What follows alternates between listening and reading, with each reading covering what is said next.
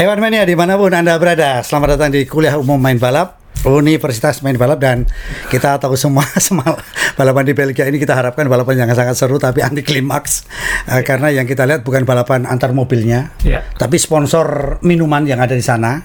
Kita lihat Red Bull ini kan sponsornya memang jelas Red Bull minuman kan. Ya. kemudian kalau Mercedes kan Monster Energy bener ya Ya. saya. Kemudian McLaren Coca-Cola. Ya. Dan ternyata yang menang adalah sponsornya sirkuit. Apa itu? air mineral gerocok aja latihan gerocok kualifikasi gerocok. Tetapi anti klimaks. Kita berharap ada hujan ternyata eh, tidak jadi hujan dan ada lowongan untuk eh, produk lem dari Indonesia karena Red Bull sekarang ini kan banyak sekali memecahkan rekor tapi juga memecahkan piala. Dan untungnya itu piala itu dari keramik semua yang yang dari Hungaria yang eh, mungkin kita harus hati-hati karena itu bisa menipu arkeolog serpiannya waktu digali loh ada serpian ini apa ini loh zaman dulu udah ada balapan Formula One itu padahal itu pecahannya Red Bull kasihan arkeolog nanti loh hebat ya prasejarah sudah ada balapan Formula One kenapa ini ada pecahannya keramiknya Red Bull Ma- Bagaimana- Mas Dewa jurusan arkeolog soalnya. saya antropologi Antropologi. dan saya menyesal sekarang, saya menyesal, Kenapa? baru menyesal sekarang ini. Kenapa? Karena teknologi Formula One seperti ini. Iya. Toh gitu saya kan kuliah di Fakultas Kedokteran Hewan atau Peternakan. Itu ilmunya kepake kalau tiap hari ngomongin Red Bull, ngomongin sapi terus Iya. ada gunanya. Dan tahun 2000-an ngomongin kuda terus Beda ini ya. terus ya kan. Dan alhamdulillah memang antropologi ada gunanya sih karena ada DRS kan. kepake terus ya. Kepake terus ya, Res ya. Iya. Oke, Sa, eh, kita ngomongin dari mana dulu karena balapan ini kita harapkan Piastri kita lihat waktu sprint sudah aduh McLaren dasar di Piastri. Terus terang agak kecewa juga nonton balapannya ya. Secara weekend sebenarnya cukup mendebarkan Iya. karena kan eh, minggu lalu kita ngomong Belgia ini harus ditonton, harus ditonton Iya. karena ini sirkuitnya menakjubkan, Iya. panjang, mengalir, enak dilihat, banyak balapan seru di sini. Cuaca sering berperan di sini. Iya. Ya kemarin itu memang eh, praktis hujan, basah lah, basah. Basah, Eh, ya. Qualifying ada basahnya Betul. Sprint race ada basahnya, Ya. qualifying untuk sprint ada basahnya, Iya. waktu lomba yang kering. Jadi anti klimaks. Iya. Eh, mungkin puncaknya di kualifikasi saya. Ketika anak Sultan tabrakan semuanya langsung memberi penghormatan masuk semua nggak dilanjutkan. Ini kan kasihan Ricciardo, kasihan Alonso bener nggak? Iya. Itu kan kesempatan sekali ya. ya jadi balapan yang kalau kita lihat waktu sprint Iya. itu kan sempat ada safety car, mohon Betul. maaf, mana fotonya, ya. Ya. sempat ada safety car juga dan waktu itu was-was juga sih kalau misalnya waktu lomba tiba-tiba seperti ini lagi trauma di Belgia ini kan kalau hujan eh, tidak kelihatan Ya. dan balapannya rawan di cancel atau di belakang safety car sehingga nggak menarik juga. Jadi saya bisa membayangkan juga F1 sama promotor lombanya pasti deg-degan juga ini. Eh, di mata mereka mungkin lebih baik balapan kering Iya. karena ada balapan jadi Betul. tidak tercancel seperti Iya. beberapa tahun lalu. Nah, tapi sebagai tontonan agak kecewa karena ketika race eh, tadi saya tampilkan fotonya race kan awalnya kering waktu start ini kan. Betul. Kemudian eh, sempat ada harapan bakal hujan. Eh, jadi apa? eh, walaupun punya radar canggih, punya segala macam, tetap keputusan terbaik adalah tangannya dikeluarkan basah atau enggak. Iya, makanya. Kalau tangannya basah, oh ini hujan itu, siap-siap itu karena Sampai- ini di sini hujannya. Saya pikir ini trek dalam kota ya. Satu trek untuk balapan, satunya taman kota ya. Satunya untuk jalurnya angkutan umum atau bemo. ya. ini Mbak Rara gak kepake gini ya. Nah, ini ini ini nyetop nyetop kendaraan kan ini. Tapi lucu ya, ini saya, foto ini mahal sekali karena apa? Di era modern masih aja kita Tetap yang paling baik adalah tangan kita sendiri. Iya, pasti ini siapa saya yang yang gemuk ini? Nggak tahu, nggak hafal ya. hafal Tapi saya. pasti mobilnya ada sunroofnya itu. Kalau hujan juga sama, tangannya keluar dia. Oke lanjut ya. Ya, jadi balapannya memang tidak hujan, Ya. sehingga yang terjadi adalah dominasi. uh, walaupun Max Verstappen kena penalti 5 posisi karena Ya. ganti gearbox, semua tahu itu nggak ngaruh, karena ini sirkuit uh, tanda kutip gampang menyalip, Ya. dan benar aja uh, hanya berapa? Uh, dua, 17 lap dia sudah udah di depan Perez. Sa, boleh kita tahan dulu ya, Ya. membahas Red Bull khusus ya, karena Ya. ini Red Bull ini kan eh, ternyata tidak hanya sekedar kita ngomong eh, teknis, tapi kita juga ngomong komunikasi mereka kayak apa Ya. kan menarik ya. Sekarang kita seperti biasa kita hasil dulu ya. hasil dulu ya. Ya memang eh, apalagi nih hasil terakhir sebelum liburan nanti kita juga bahas saat liburan itu boleh ngapain. Ya. Eh, yang jelas top 10-nya Red Bull akhirnya malah finish 1-2 di sini. Eh, Perez yang start di peringkat 2 tetap finish nomor 2. Betul. Verstappen yang start nomor 6 ya finish nomor 1 seperti biasa. Leclerc eh, dapat pole position tanda kutip karena walaupun waktu tercepat saat qualifying itu Max tapi karena Max kena penalti Penalti. yang start paling depan kan Leclerc. Ya. Eh, kita sempat punya harapan ya minimal dia mimpin beberapa lap lah Iya. nggak sampai setengah lap nggak sampai setengah lap sudah dilewati oleh oleh Perez di track lurusnya jadi Iya. langsung selesai waktu itu itu dan belum di- belum pakai DRS ya? Belum masih awal-awal ya kan? belum belum pakai DRS Iya. jadi sudah dilewati jadi dari situ waduh selesai ini udah Eh, kemudian ya Hamilton yang walaupun harus berjuang tetap finish nomor 4 tapi Iya. sempat mencuri fase lap di akhir Fase lap itu penting bukan mencuri dari Verstappen, itu penting untuk mengejar poinnya Alonso. Satu poinnya Hamilton nanti kita akan lihat di Iya. klasemen pembalap. Jadi Hamilton mikirkan satu poin itu bukan untuk bikin panas Verstappen, bukan. Iya. Satu poin itu untuk ngejar Alonso nanti di klasemen. Nah Alonso kebetulan finish nomor 5 di belakangnya. Iya. Jadi Aston Martin ya lumayan juga ini, konsisten juga di sini. Russell yang terpaksa satu stop ya mau nggak mau dia damage limitation finish nomor 6 oke Norris yang dia sendiri saya juga nggak tahu kenapa kok bisa finish nomor 7 karena McLaren ini bukan berarti buruk ya McLaren kan cepat sekali khususnya Piastri sebenarnya bukan Norris Iya. Uh, saat sprint juga Piastri finish kedua secara meyakinkan. Iya. Tapi kenapa ketika lomba McLaren ini bisa melorot ke belakang nanti kita bisa bahas khusus karena ini ada kaitannya dengan hujan-hujan hujan tadi. Jadi pilihan setelan yang dilakukan oleh tim dan pembalap itu Tidak maksimal ya? Tidak maksimal saat Tidak lomba. maksimal ya. Apalagi Oke. dengan sirkuit yang sepanjang Iya. ini. Nah, Ocon dapat poin lagi di sini. Alhamdulillah ini ya, PD ya, mulai kabar, PD. kabar baik untuk Alpine yang Alpine ya. di balapan ini banyak sekali eh, konflik internal Iya, iya. banyak banyak petingginya akan keluar setelah Belgia jadi ketika kita bahas podcast ini sudah keluar semua Jadi ini waktu sprint uh, Gasly yang memberikan dapat nomor tiga ya, kayak itu PD juga ya karena dua kali udah DNF kan. betul dan sekarang Ocon dapat poin di race uh, Stroll dapat poin juga Iya. dan Sunoda di bawah tekanan Ricciardo Iya, betul. sampai hari ini masih jadi satu-satunya pembalap Alfa Tauri yang mencatat poin Ya. Walaupun ada berkah dari Sainz dan Piastri. nggak mau kalah juga Nggak ini. mau kalah juga, ya. kalau udah ini kalau orang eh, haters juga gitu, nggak suka ya terus cari aja kesalahan. Nggak. Tapi ini luar biasa. Sunoda luar biasa. ini harus harus Iya, diakui diakui. Tsunoda Sunoda luar biasa. ya kadang-kadang itu pentingnya menaruh uh, pressure pembalap lain Iya, iya, iya. Nah, Mari kita tadi- bahas ya saya. Ya ini klasemen memasuki liburan karena habis ini libur satu bulan. Verstappen 314 poin dan nggak usah dilihat. Perez 189 mungkin ini juga aman di peringkat 2. Red Bull belum pernah finish 1-2 di klasemen pembalap. Betul. Jadi mungkin tahun ini pertama kali mereka. Alonso ini yang saya bilang Hamilton hanya satu poin dari Alonso. Mengerikan juga ini. Jadi satu poin tadi mahal banget karena itu mendekatkan Hamilton ke Alonso. Jadi nanti setelah liburan bisa langsung berbalik ini. Iya, Uh, Leclerc dan Russell poinnya sama. sama betul. Sainz uh, nyangkut di 92, Norris ya masih 69 tapi dia masih punya harapan untuk naik lagi ke atas ini Iya. kalau performanya seperti beberapa lomba terakhir. Uh, Stroll uh, masih di sini, Ocon masih di sini uh, dan di bawah ini sebenarnya Norris hanya eh sorry, Piastri hanya satu poin di belakang Ocon. Luar biasa ya. Bahaya itu ya. Iya, pembalap muda lagi. Nah, klasemen pembalap ya Red Bull Red Bull dominan sekali ini 503 saya, saya kira akan memecahkan rekor poin terbanyak dalam sejarah. Dan itu sulit sekali belum tentu bisa dipecahkan lagi ya. belum tentu ini Iya. terlalu dominan. Iya. 12 lomba, 12 kemenangan. Uh, Iya. Verstappen sudah menang 10. 503 ini suara dari Jawa aja ini ya. Oke. Mercedes, Dia 247 Mercedes 247. separuhnya hampir separuhnya. Aston Martin dan Ferrari ini masih Iya. akan seru. McLaren ini diam-diam masih bisa menonjak ke atas ini. Iya. Masih bisa. Khususnya bukan Ferrari mungkin ya, tapi mungkin Aston Martin. Setelah mobilnya memang Ya sudah ketemu setelannya. iya Dan ini masih ada 10 race. Iya. Jadi masih separuh ini. Kemudian uh, Alpine uh, kita nggak tahu nanti setelah upheaval lah, setelah uh, pergolakan internal ini nanti seperti apa. Tapi kalau sama, sama belakangnya kayaknya masih kejauhan ya. iya. Haas Williams saya yakin nanti Williams yang naik. Eh, kemudian eh, Alfa Romeo ya di situ aja. Alfa Tauri ini kayaknya kok ya berat gitu naik. Iya. Ta- ya mungkin ini satu-satunya mungkin yang saya pengen perhatikan adalah Williams bisa nggak dia naik ke atasnya Haas. Iya. Sangat bisa kalau melihat eh, perkembangan terakhir. Jadi empat di bawah ini kemungkinan masih bisa berubah ya.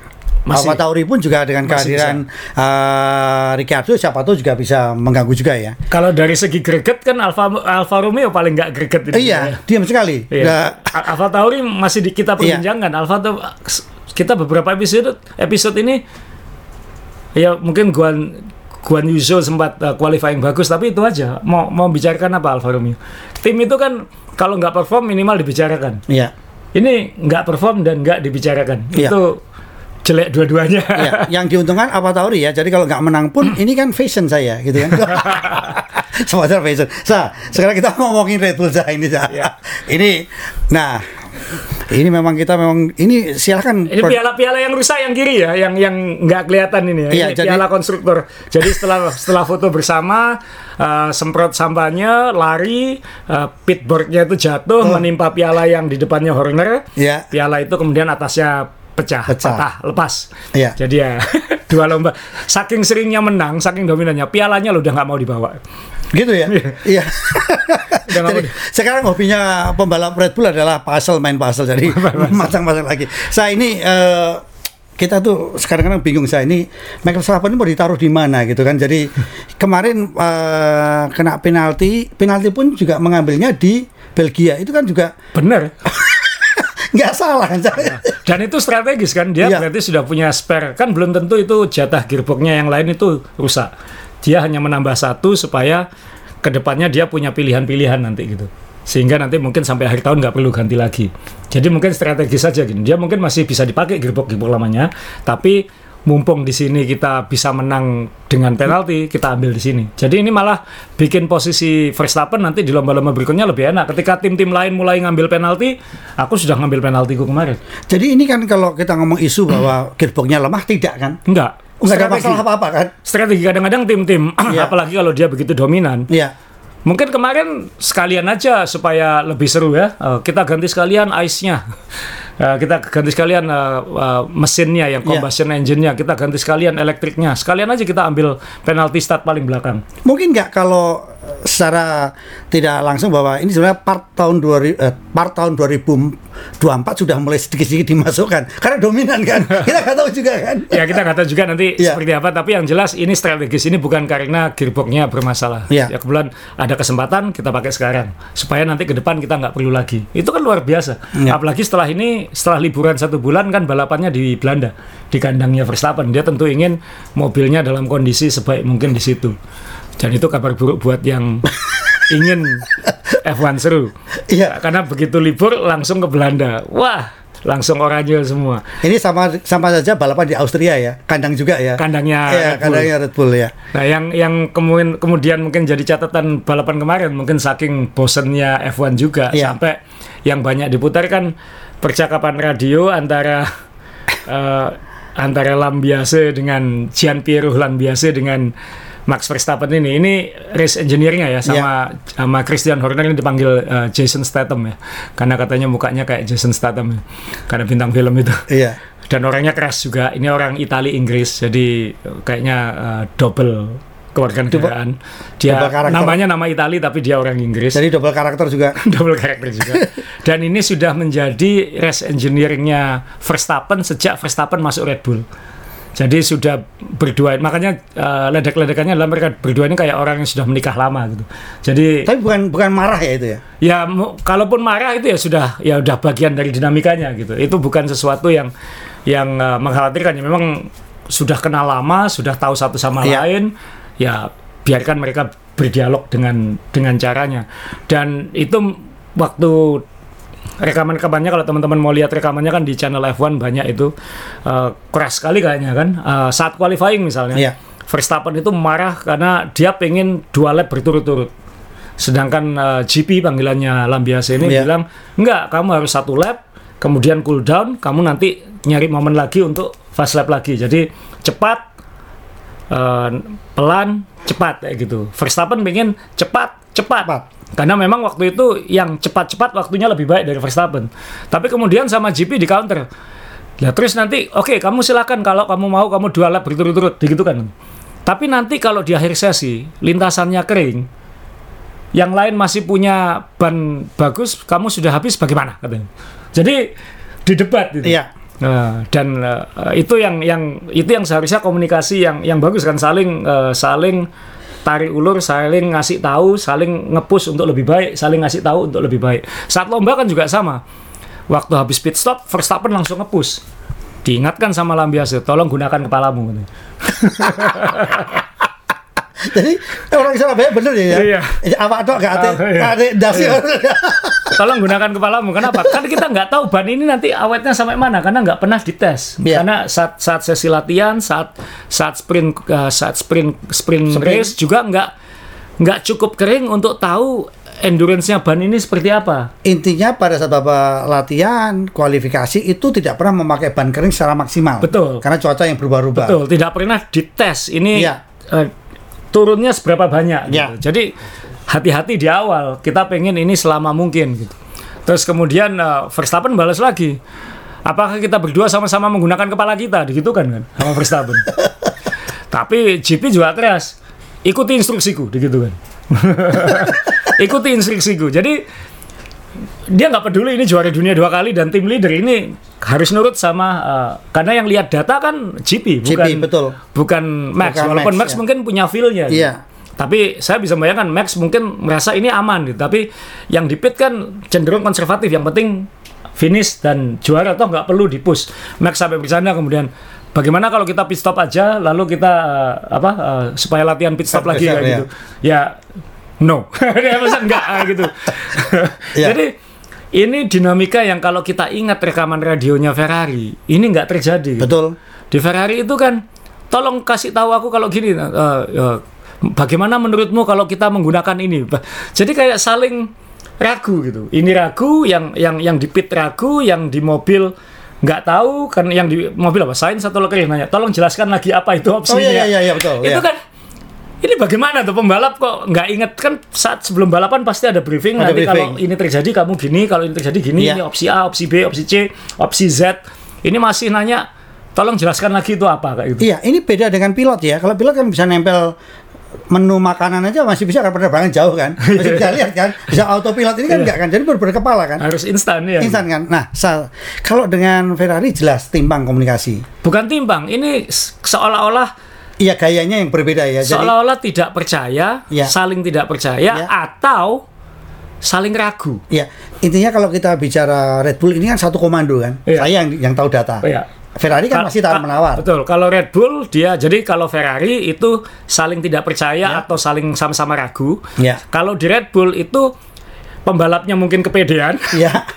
tapi yang di pit tegas. Ya. Nah, itu kan luar biasa. Jadi tidak ada second guessing, tidak ada tebak-tebakan kayak gini, kayak gini, kayak gini, kayak gini. Itu Nah. top. Nah, sementara ini sah, ini yang terja- eh, bagaimana yang terjadi dengan Mercedes? Maaf ya, ini kayak komunikasi ya. Karena Lewis Hamilton kan sudah tujuh kali juara dunia. Betul. Kadang-kadang juga maaf ya, kalau ngomong kan nyelekitnya ada dan sebagainya. Nah ini apa yang membedakan tiga tim ini? Ya, saya kira di McLaren kan juga eh, apa namanya race engineering juga udah sama Ya. Hamilton lama. Jadi pasti dinamika seperti ini Di. Mercedes ya, ya. Cuman kan mungkin kita nggak pernah dapat rekaman utuhnya. Iya. Red Bull pun kita juga nggak dapat rekaman utuhnya. Iya. Ferrari pun kita nggak dapat rekaman utuhnya. Iya. Cuman minimal di F1 sekarang mereka ingin menunjukkan dinamikanya di Red Bull dan sebelumnya kan sudah ditunjukkan dinamikanya di Ferrari. Sedangkan di eh, di Mercedes ya mungkin normal-normal aja karena memang nggak ada nggak ada yang nggak ada yang spesial juga karena Mercedes juga magak ya, Iya, iya, iya. tanggung benar-benar Iya, tanggung. iya. Tapi kan kalau kita dengar kan juga eh, Hamilton berkali-kali ngomel kan, saya sudah bilang setelannya harus kayak gini. Iya, iya. Nah itu kan nggak apa-apa, minimal kan dia tegas kayak gitu. Beda dengan Ferrari mungkin, mungkin Leclerc sama Sainz juga nggak tegas mungkin. Bisa jadi. Sedangkan eh, Norris sama race engineer-nya kayak banyak bercandanya kayak gitu di McLaren. Ini kan juga, ini kan kayak pembalap itu hanya bisa ngomong dengan satu orang saat lomba. Setelah lomba finish mungkin bisa ngomong sama Siapa pun ya. sama Toto Wolff atau dengan Iya. bos timnya. Tapi Iya. ketika saat race dia hanya boleh komunikasi dengan satu orang supaya tidak terjadi chaos kan. Bias ya. Nah satu orang ini GP uh, Lambiasi ini yang kemudian ngomong ke uh, engineer ban, ke engineer aero, ke engineer uh, power unit apa yang harus dilakukan. Kemudian dia yang merangkum semua data-data ini yang kemudian menyederhanakan penyampaiannya ke pembalap. Nah, Jadi, pembalap ini- kemudian di sisi lain pembalap ini harus menjelaskan apa yang dia Kan, rasakan, ya. baik itu mesin, ban, eh, aerodinamika, karakter mobil, kemudian eh, GP ini, engineer ini, race engineer ini harus menerjemahkan omongan pembalap itu lalu menerjemahkan balik ke ke masing-masing divisi. ban, Ya. mesin. It- jadi dia ini kayak kalau la- apa eh, jam pasir yang Ya, ya. piramida kebalik dan piramida di bawah, dia ini tengah-tengahnya. Ya. Jadi ini bukan pekerjaan gampang. Dan harus cerdas ya. Ini kan kalau di UGD, ICU kan bagian triase. Sakit apa? Oh ke sini. Sakit apa? Ini harus Filternya ini ya. Iya, kita kan Iya. semuanya kan. Oke, ini luar Dan sini- biasa. dan ini kita lihat di Belgia ini bagaimana dinamika dalam beberapa lomba terakhir dinamika uh, Lambiase ini dengan Max dan Max ketika masuk F1 kan masih umur 17 waktu itu. Iya. Waktu masuk Red Bull dan orang ini yang yang mengantarkan Max sampai sekarang. Kan nggak berubah orangnya. Makanya Max bilang kalau Lambiase sampai diganti misalnya dia dia jabatannya naik atau apa ya itu nggak baik katanya kayak gitu. Makanya walaupun Lambiase ini jabatannya sudah naik, dia sudah head of performance engineering kayaknya dia sudah memimpin seluruh departemen Iya. performance, tapi dia masih tetap jadi race engineer-nya Max.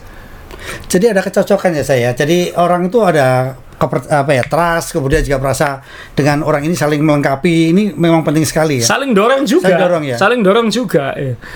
Dan itu yang dulu kan eh, Jacques Villeneuve dengan uh, Jock Clear dulu waktu di Williams. Kemudian eh, Michael Schumacher pasti cocok dengan jadi selalu di balik itu selalu ada race engineer yang yang Yang luar biasa. yang, yang membawa dia Ya. gitu. Ayrton Senna pun dulu juga gitu saya lupa namanya.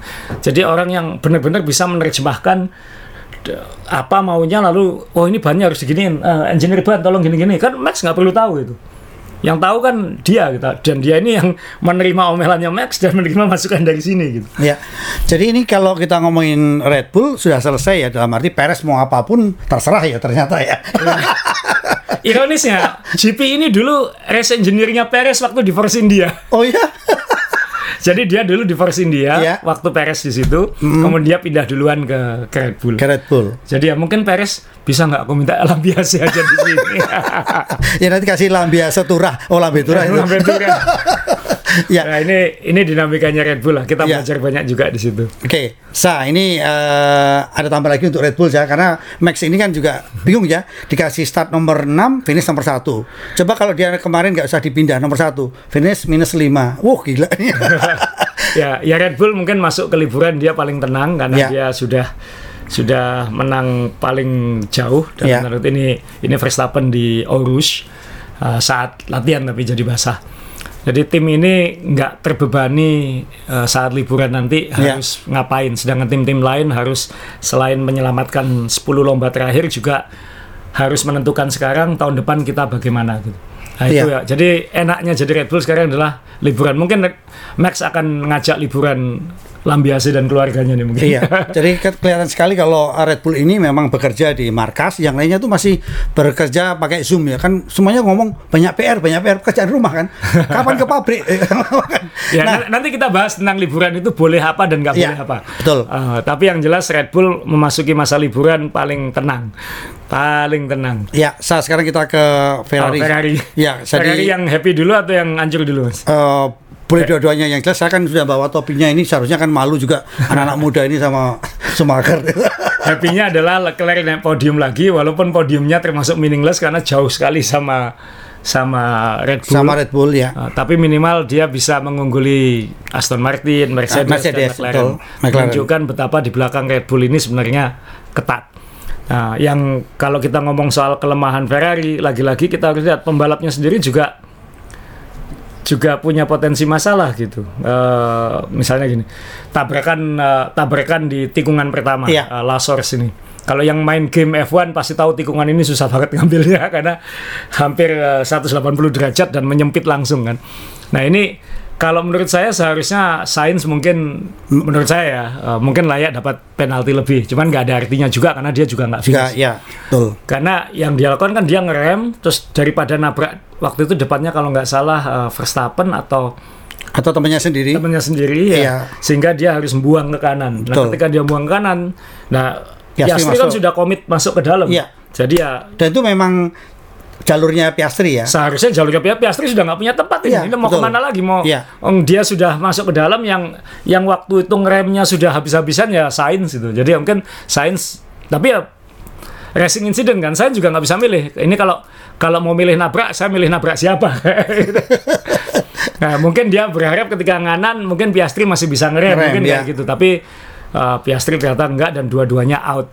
Dan ini kan sedihnya Sainz bilang ke uh, media bahwa itu Piastri kurang pengalaman katanya. Memang rookie kan. Tapi Ya. di sisi lain kamu kan punya banyak pengalaman. Kenapa kamu masih nganan? Kok mau berbagi? Dalam hal ini saya agak simpati kepada Piastri, Piastri. karena seharusnya uh, ini peluang dia untuk bersinar walaupun setelan mobil McLaren mungkin nggak ideal.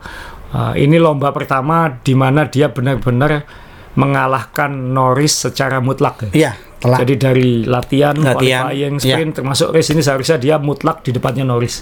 Dan kalau ini bisa berbuah podium pun juga bagi Norris ini, waduh beban sekali. Oh, beban. Ini ini ini akan akan mendorong Norris untuk lebih baik lagi. Ini kayak Iya. setelah beberapa lomba terakhir Piastri ini kayaknya klik ya. Klik dia menemukan oh ini yang harus aku lakukan, ini yang aku rasakan sekarang, aku tahu caranya jadi cepat dan konsisten di F1 itu nggak gampang. Dan Tapi ini- nan- nanti kita bahas McLaren. Iya. Kita bahas Ferrari dulu, Ferrari dulu. ha. Nah Ferrari ini kan ini kerusakannya Iya.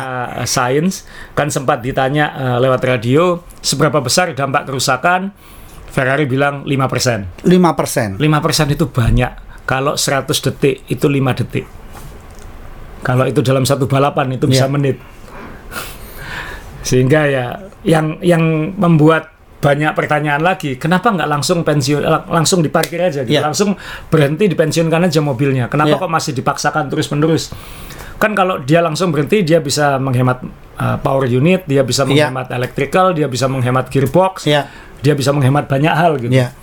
tapi sama Ferrari masih dipaksakan. Nah itu kadang-kadang uh, Ferrari ini siapa yang memutuskan, siapa yang memikirkan itu kita bingung gitu. Iya.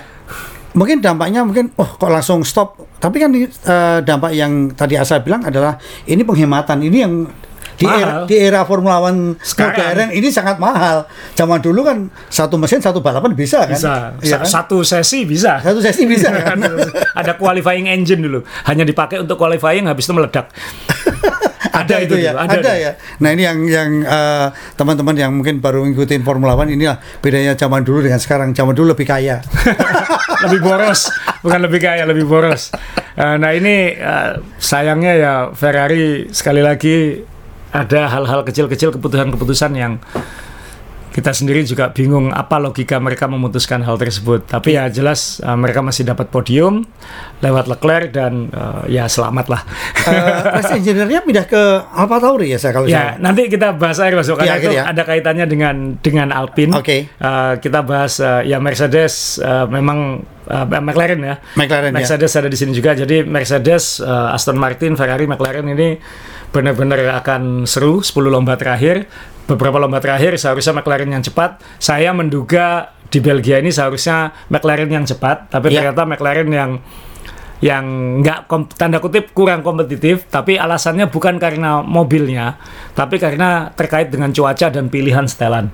Jadi karena hujan, hujan, hujan, eh, akhirnya tim-tim ini kan harus memutuskan kita milih setelan yang mana. Hmm, Sirkuit ini ya, kan ya, tanggung ya, Mas, ya, ya, betul. Bisa dibuat setelan low downforce, ngejar top speed yang Ya. tinggi, bisa ngejar high downforce, yang ngejar tikungan-tikungannya Tikungan-tikungan, di ya. sektor kedua. Dan kalau hujan, lebih baik high downforce. Nah, yang terjadi di sini adalah McLaren kayaknya komit pakai high downforce di sejak awal. Sejak awal. Se- se- sehingga ketika lomba Kering. berlangsung kering, udah nggak punya top speed ya. Sudah pakai gigi 8 katanya Norris, sudah pakai gigi 8, sudah gas mentok, mesin sudah clipping, sudah intinya RPM-nya sudah mentok gitu, udah nak nak nak Iya. nak, nak, udah Iya. sudah nggak bisa digas lagi. Ya tetap disalipi kanan kiri dengan mudah gitu. Nah, tapi ketika hujan sempat turun sebentar, tiba-tiba dia yang cepat. gitu Iya. dia dengan ban uh, soft dia bisa lebih cepat daripada yang lain gitu. Nah ini yang uh, pilihan itu yang apakah itu pilihan sang yang salah bisa iya bisa enggak. Kalau menurut saya sih ya memang 50-50 aja gitu. Dibilang salah enggak. Kenapa? Karena di sprint di sprint race dapat poin banyak dan di sini masih dapat poin gitu. Iya. Jadi overall poin yang didapat McLaren di Belgia masih lebih banyak daripada poin yang didapat oleh Aston Martin. Jadi tetap tetap ngejar ke atas dia. Iya. Apakah dia bisa lebih baik lagi kalau memilih low downforce? Mungkin aja. Ini kan pilihan za, berarti kayak semacam gambling juga ya. Karena Iya. kalau kita ngomongin ban masih bisa dikoreksi ya. Iya. Kalau setelan ini kan nggak bisa. Nggak bisa. cepat. Karena ada- aturan park frame kan. Kalau Ya. setelah qualifying mobil nggak boleh ditaati. Iya. Sehingga ya kalau kita lihat ini sayapnya ini kebetulan Norris. Ya. Sayapnya ini sayap high downforce ini kelihatan eh, lapis dan tebal, sedangkan sayapnya Alfa Tauri kelihatan lebih tipis. Sayapnya Will- Williams William, apalagi, ini apalagi. sangat low downforce ya. Ya. Eh, lalu kalau kita bandingkan dengan mobilnya Lewis misalnya, dia juga cenderung eh, low downforce. Ini sayapnya kan cenderung horizontal. Eh, sekali lagi kalau kita lihat sayapnya ini sayapnya Piastri. Piastri. Ini tebal, jadi high downforce. Jadi kelihatan bahwa McLaren sudah memutuskan ini dan itu saat lombanya kering ya dia kurang diuntungkan. Tapi, Tapi kalau basah, oh kalau basah masa nah, lagi, kalau ya. kemarin hujan ya. eh, jangan kaget kalau misalnya seandainya Piastri nggak tabrakan ya Norris pun mungkin bisa lima besar atau lebih baik. Tapi ya sudah terjadi pelajaran buat McLaren di sini adalah eh, mereka harus memastikan karena pengalaman dari Belgia ini timnya sudah bilang Norris juga udah bilang kita masih tetap harus memikirkan top speed. Karena lurusnya ini masih masih meragukan. Kita belum belum diuji betul dengan upgrade mobil terbaru top speed kita ini seperti apa. Karena keunggulan utama Red Bull adalah trek lurus Iya, Sa, kalau sudah di close up DRS itu Red Bull nggak usah nggak usah DRS aja udah kenceng Ya, apalagi pakai makanya, kalau DRS ini kan sering di close up kan Iya. DRS. Itu kan tulisan di bawahnya kan dirujak saja. ini gila loh. Bayangkan dari belakang bisa langsung ngambil cepat sekali itu kalau dia kan, kalau itu kan. terlalu gampang gitu. Kalau gampang betul. Nah, McLaren juga bilang bahwa ingat nanti ini kan libur satu bulan. Iya. Habis itu memang langsung ke Belanda eh, yang sirkuitnya meliuk-liuk seperti Silverstone, yang mungkin baik untuk McLaren, tapi dalam seminggu langsung Monza. Monza juga cepat ya. Monza lebih cepat dari Belgia Cepat, yang Belgia, yang sayapnya setipis mungkin. Nah, McLaren belum teruji nih uh, low downforce seperti apa. Padahal harapan saya McLaren bisa nyuri kemenangan kalau nggak di Belgia, Ya. di Monza, Di atau Monza. mungkin nanti di Las Vegas yang banyak lurus-lurusnya. Nah, jadi bagusnya adalah McLaren ini melonjak melompati Mercedes dan Aston Martin dalam beberapa lomba Ya. dan Ferrari, tapi mereka masih diingatkan kalau belum selesai, masih ada masih ada kelemahan. Nah, itu bagusnya uh, pelajaran untuk McLaren di sini. Dan ini untuk pembalap sangat luar biasa karena PD tadi saya kan ini kita kalau ngomongin Formula One kan nggak seperti apa eh, apa sepeda ya saya. Kalau sepeda kan memang manusia. Ini kan mesinnya di kita ngomongin mesin, kita ngomongin pembalapnya, timnya. Waduh. Rumit sekali Formula One ini kan. Ya semua elemen ini. Semua elemen. Nah, itu itu pelajaran untuk McLaren. Jadi se- sebagai penggemar McLaren juga agak nginjak bumi dulu karena tim ini masih struggle tapi minimal sudah di jalur yang benar dan moga-moga nanti Red Bull saat liburan dan setelah liburan juga nggak perlu terlalu ngotot supaya ngasih kesempatan tim-tim lain menang. Bayangin udah 12 lomba Red Bull semua yang menang. Ini zaman dulu pertama suka F1 90-an awal 2000-an kan balapannya cuma ada 16 17 tahun. Iya. Kan hanya sisa 5 lomba. 4 Betul. atau 5 lomba. 17 kali ya. Ya ini untung masih ada 10, tapi kalau 10-nya nanti yang menang Red Bull semua ya. Tambah mulut eh, tambah bosan juga gitu kan. bosen- ya moga-moga balapannya seru. Iya. Kalau enggak, Sa. kalau dia 1 2 terus. Ya, Sa, ini kan kita udah ngomongin Mercedes tadi Asa bilang maga Ya, gitu. ya. Kemudian ada penyakit katanya ada penyakit lama muncul di Mercedes ya, sebelum kita lain. Porpoising. Kenapa itu bisa muncul lagi yang sudah Nah. hilang kenapa muncul lagi? Atau memang pembalapnya yang kangen Sa? Itu dia. Jadi ternyata ada keluhan lagi. Porpoisingnya bukan hanya di trek lurus masuk. Di tikungan cepat juga porpoising. Di ada tikungan namanya Blanchimong itu kalau kita main game itu yang tikungan kiri cepat sebelum eh, bus stop chicken. Itu kenceng banget. A- Anda tahu lah sebelum men- menuju finish itu ada tikungan kiri yang cepat sekali. Di situ juga eh, Mercedes juga katanya porpoising. Nah penyakit lamanya kembali. Ya kita tahu kan Mercedes kan barusan berubah juga kan sidepodnya dan aerodinama aerodinamika komponennya kan banyak berubah. Nah mungkin itu ada efeknya lagi ke situ. Atau bentuk layout sirkuit karena di sebelumnya kan nggak ada masalah. Sempat Betul. Tapi kalau dibilang banyak kalau misalnya high speed corner kan seharusnya itu terasa di Silverstone mungkin kayak gitu. ya. Tapi ini kok terasanya di sini ya. Mungkin ada kaitannya juga kar- karena hujan biasanya uh, ride height mobil jadi bawahnya mobil apa uh, jarak antara dasar mobil dengan, Dengan aspal, itu aspal. akan agak ditinggikan. Mungkin itu ada kaitannya juga. Uh, yang jelas itu juga bikin PR baru lagi buat Mercedes karena nanti waduh kalau kita track lurusnya porpoising sekali lagi habis ini ada Monza itu seperti apa nanti masalah lama dan porpoisingnya bukan hanya di trek lurus, di tikungan cepat juga Iya, itu lebih ngeri lagi. Iya kalau hujan deras sih malah dibutuhkan proposing karena memang lompat-lompat kayak kata kan cepat sekali. lebih cepat mungkin. Lebih cepat. Nah, eh, Aston Martin berarti nggak usah diomongin karena memang rasanya udah udah kehabisan. Iya. ya minim dia akan kompetitif, dia nggak akan jauh-jauh dari lima besar dan pasti di 10 besar tinggal eh, karakter sirkuit atau momen yang mungkin membuat salah satu tim ini akan berada paling depan. Tapi untuk saat ini dia kayaknya paling kehilangan momentum kan. Iya. Oh, Ferrari ini kan kayak masih dorong terus tapi nanggung terus. Mercedes ini sudah kayak mau mentas dari air tapi kok keseret ke bawah Iya, lagi. iya. McLaren yang tiba-tiba meloncat loh kok aku di depan ya gitu. Tapi kemudian eh aku masih punya masalah. Sementara Red Bull bisa yang lain ini kenapa sih nggak dia ngejar Jadi ini dan ada satu tim lagi yang paling berantakan kan. Maksudnya kita harus ngomongin Alpine, ini, Alpine, karena ya. eh, ini tim pabrikan loh. Ini Ya. tim pabrikan eh, yang punya ambisi 100 lomba kembali ke depan Eh, dan malah di di awal musim ini kemarin ada kabar baik katanya ada investor eh, aktor Ryan Reynolds dan eh, teman-temannya di Hollywood beli sahamnya eh, 30%, 25% atau 30% sahamnya. Eh, kemudian eh, berarti wah tim ini kan berarti punya potensi untuk untuk maju lagi, tapi kemudian ternyata tepat sebelum Grand Prix Belgia tiba-tiba ada pengumuman bahwa bos-bosnya ini akan diganti semua gitu. di tengah musim gitu. Apa ya, sebelum liburan. Iya, ini yang yang menggantinya siapa kira-kira? Ya ini dia. eh, nanti kita ngomong Binotto. Tapi yang jelas ini yang kanan, yang Iya. yang eh, gemuk ini orang Amerika namanya Otmar Snaf, Otmar. Snaf Zauer Zafnauer. Namanya susah banget. Eh, Otmar ini eh, dulu di Force India, Iya. orang yang dengan tim pas-pasan dia bisa membawa itu ke atas. Pernah juara juga, pernah podium Pernah satu. pernah curi kemenangan juga. Iya. Kemudian dia mungkin orang yang pas untuk mimpin Alpine yang memang pabrikan tapi nanggung Bacanya pas-pasan juga. pas-pasan. Iya. Nah, nah ini dia yang jelas dia keluar, belum jelas uh, dia akan ke mana. Uh, karena ini terkait dengan CEO-nya Alpine kan barusan diganti juga, jadi mungkin ganti orang di atas sehingga bawah Semuanya ke bawah karena dampaknya ya. dampaknya juga. Nah yang di kiri ini kan uh, sebenarnya penting banget karena ini ini Alan Permain. Uh, Alan Permain ini kita pernah ketemu Mas Dewa, kita pernah wawancara dia waktu dulu masih Renault awal. Dia ini sudah 34 tahun di tim ini. Hmm. Dulu waktu masih Alonso Fisichella, dia dulu kalau nggak salah race engineer-nya Fisichella.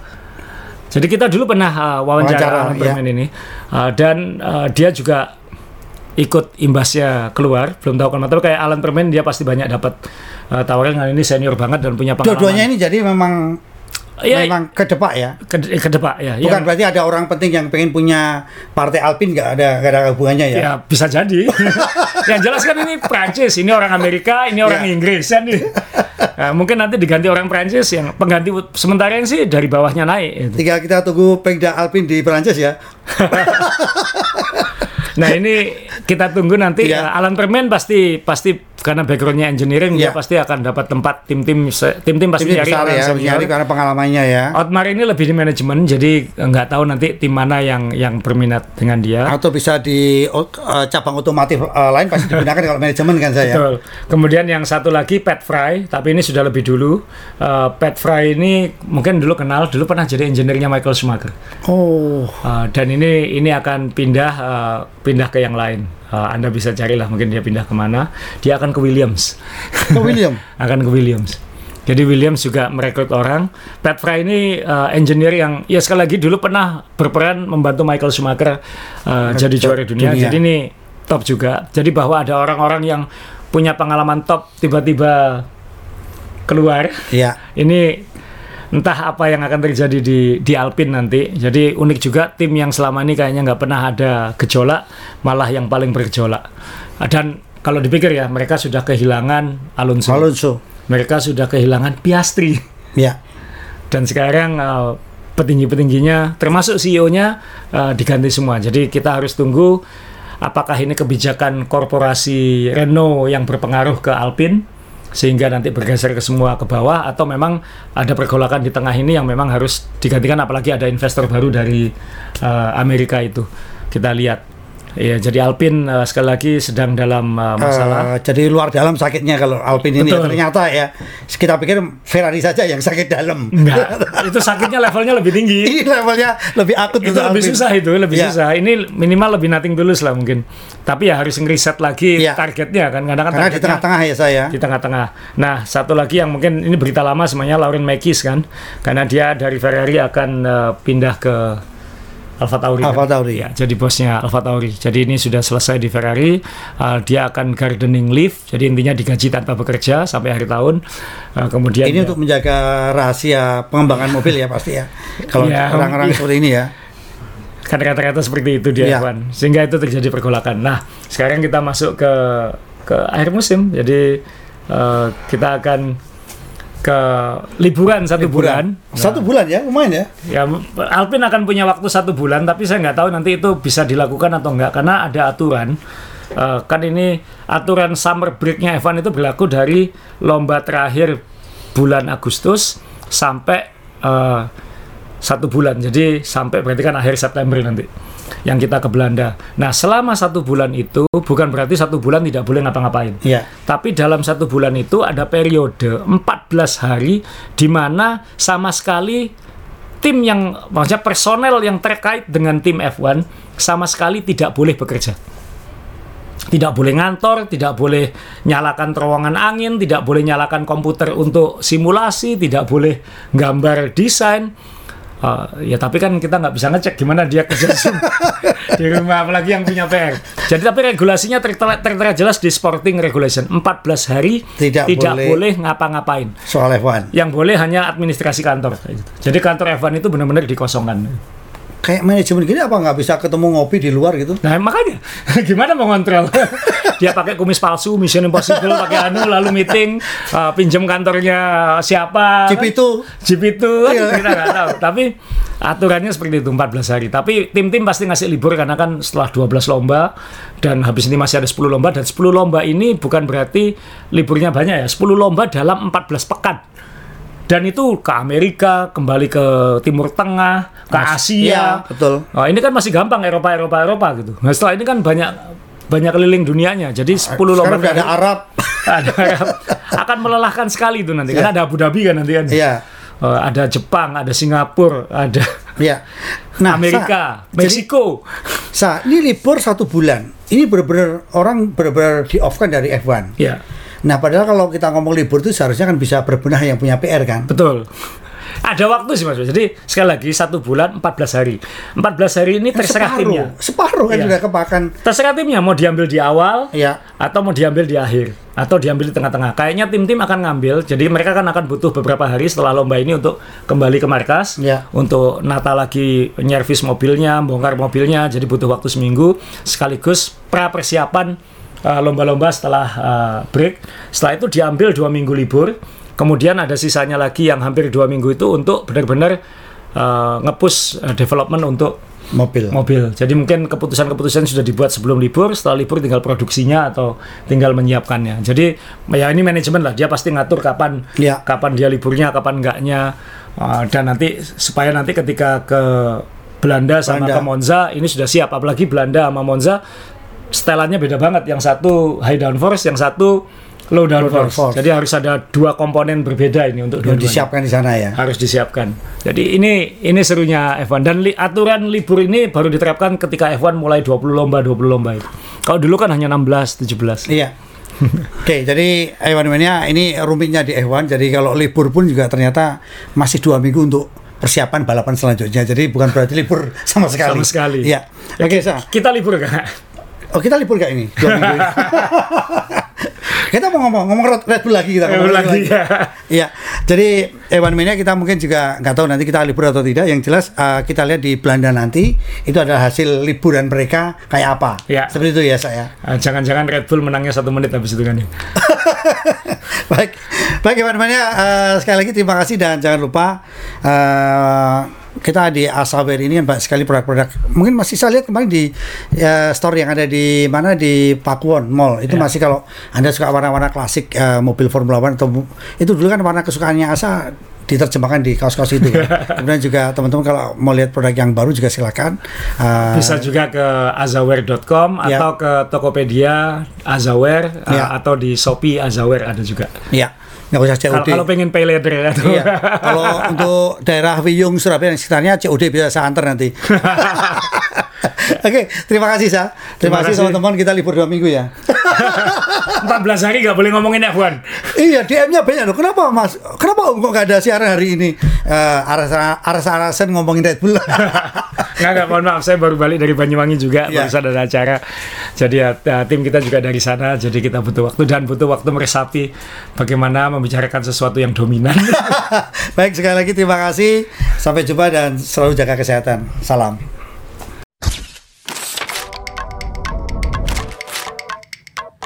Saya Azrul Ananda, founder DBL Indonesia dan Azaware. Sejak awal, misi besar kami adalah untuk breaking the barriers, meruntuhkan segala dinding penghalang anak Indonesia untuk mengejar mimpi-mimpinya, untuk mendorong merek-merek Indonesia ikut berperan aktif di industri olahraga. Sekarang, kami memasuki fase baru perjuangan itu.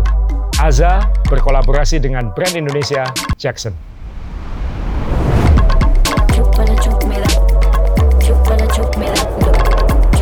Lima sepatu ini akan membuka jalannya, mengajak semua untuk lebih proaktif, aktif, dan produktif dalam kehidupan sehari-hari, baik untuk sekolah, bekerja, dan aktivitas lain.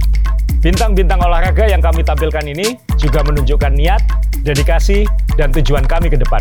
Membuat sepatu-sepatu yang nantinya mendorong anak muda Indonesia meraih prestasi dunia. Aza, semua bisa.